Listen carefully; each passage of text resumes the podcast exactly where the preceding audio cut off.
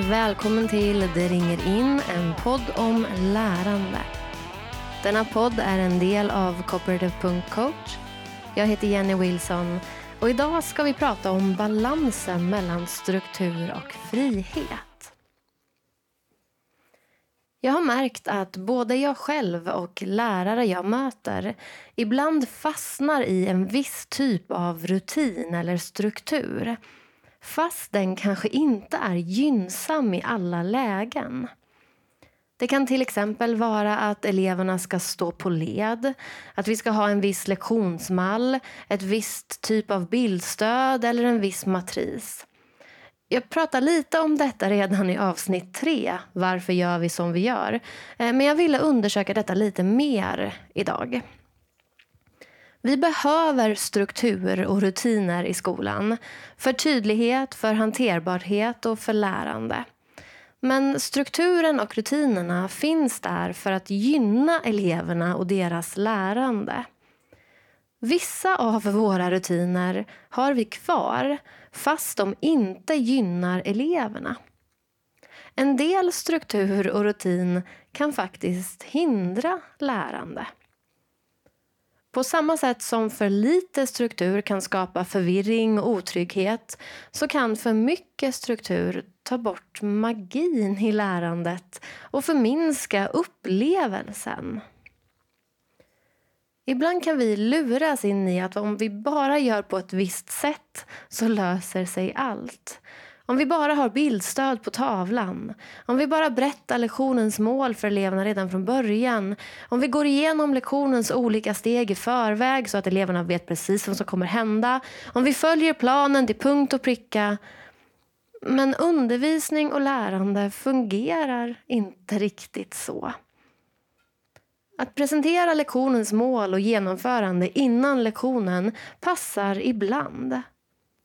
Men ibland kan det förstöra hela upplevelsen av innehållet.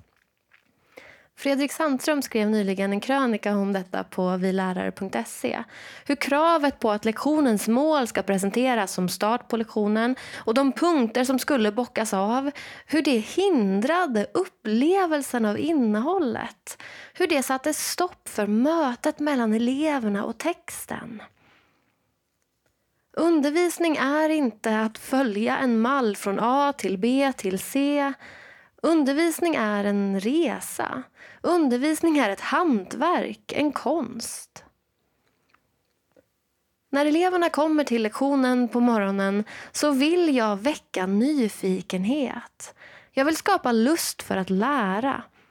Jag vill att de ska dras in i ett spännande innehåll.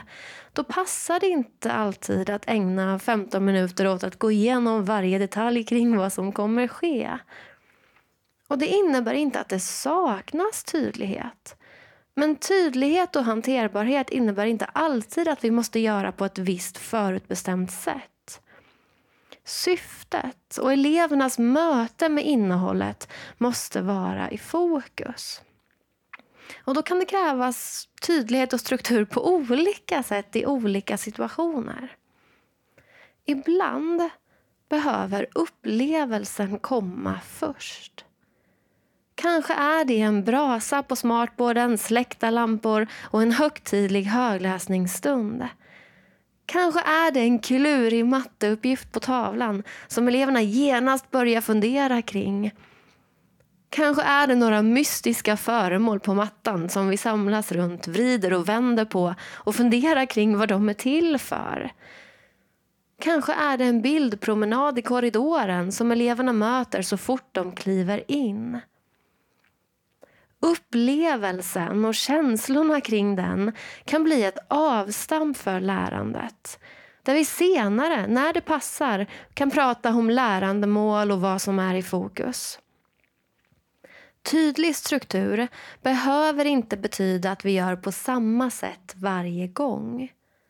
Tydlig struktur behöver inte betyda att jag måste följa en viss mall. Samma mall som alla andra, lektion efter lektion.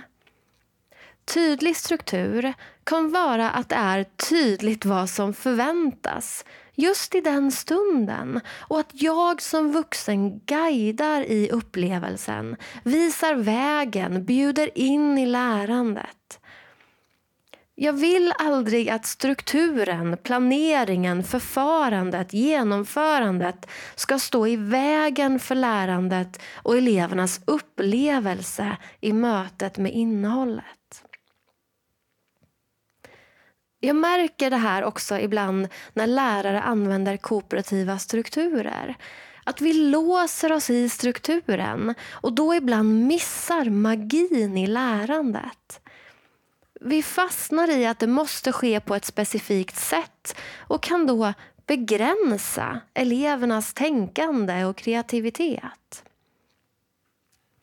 När jag hade gjort den kooperativa strukturen Rondellen med en grupp elever flera gånger. Eh, rondellen är en struktur där man går varvet runt en i taget i en liten grupp och delar sina tankar. När vi hade gjort den flera gånger och eleverna var vana vid den så testade vi sedan en annan struktur som heter talkort. Talkort är mindre styrd på det sättet att istället för att man pratar en i taget i ordning varvet runt eh, så lägger den som vill prata in en talmarkör i mitten. Men man måste inte gå i ordning utan olika personer kan lägga in sina talmarkörer. Jag märkte att eleverna i början när vi gjorde den här strukturen var osäkra på hur de skulle göra. Och de gick i turordning med sina talmarkörer som de var vana vid. Och det begränsade faktiskt samtalen och gjorde att de inte kom lika djupt.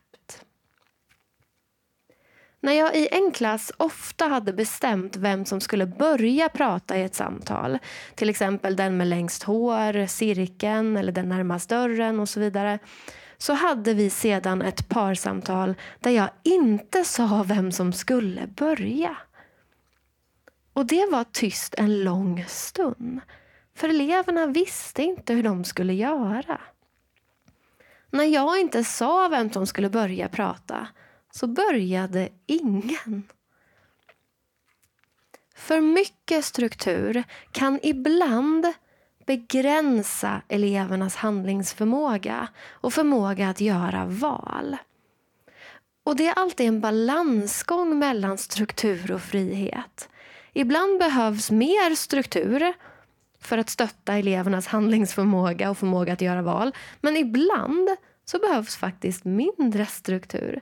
Ibland behöver vi istället i vissa situationer släppa på ramarna lite grann. Låta eleverna experimentera, testa, försöka. Så att de inte hela tiden väntar på att läraren ska säga vad som är rätt eller fel. Utan att de får försöka här kommer lärarens yrkesskicklighet och erfarenhet in. Vi behöver ha fingertoppskänsla inför vad som behövs när. Och det är inte enkelt och därför är det så viktigt att vi reflekterar kring vad vi gör och varför vi gör just så. Ibland behöver vi skriva efter mall, vara noggranna och kolla att vi har punkt. Ibland behöver vi skriva fritt, upp och ner, i marginalen och krumelurigt. Ibland behöver vi rita innanför linjerna och fylla i hela fältet. Ibland behöver vi måla med stora drag, blanda färger och kladda ner. Ibland behöver vi följa instruktioner helt korrekt. Ibland behöver vi vända upp och ner på allt och göra tvärtom. Ibland behöver vi gå fint på led och ibland behöver vi springa så fort benen bär. Tydlighet och struktur är bra, men ibland kan det bli för mycket av det goda och vi behöver hitta en balans. Vi behöver reflektera kring varför vi gör som vi gör. Varför gör jag så här? Vad händer om jag alltid gör så här? Vad blir de långsiktiga konsekvenserna? Blir det som jag vill? Eller kan jag göra på ett annat sätt? ibland. Hur gör du för att hitta balans mellan struktur och frihet, mellan tydlighet och upplevelse, mellan ramar och kreativitet? Tack för att du har lyssnat på Det ringer in, en podd om lärande. Vill du dela en tanke, en kommentar eller ställa en fråga? Kontakta mig på Instagram, det ringer in, Facebooksidan Cooperative Coach eller gå in på www.cooperative.coach. Tack till Josef Melin för musiken. Vi ses i nästa avsnitt. Kom ihåg, du gör skillnad.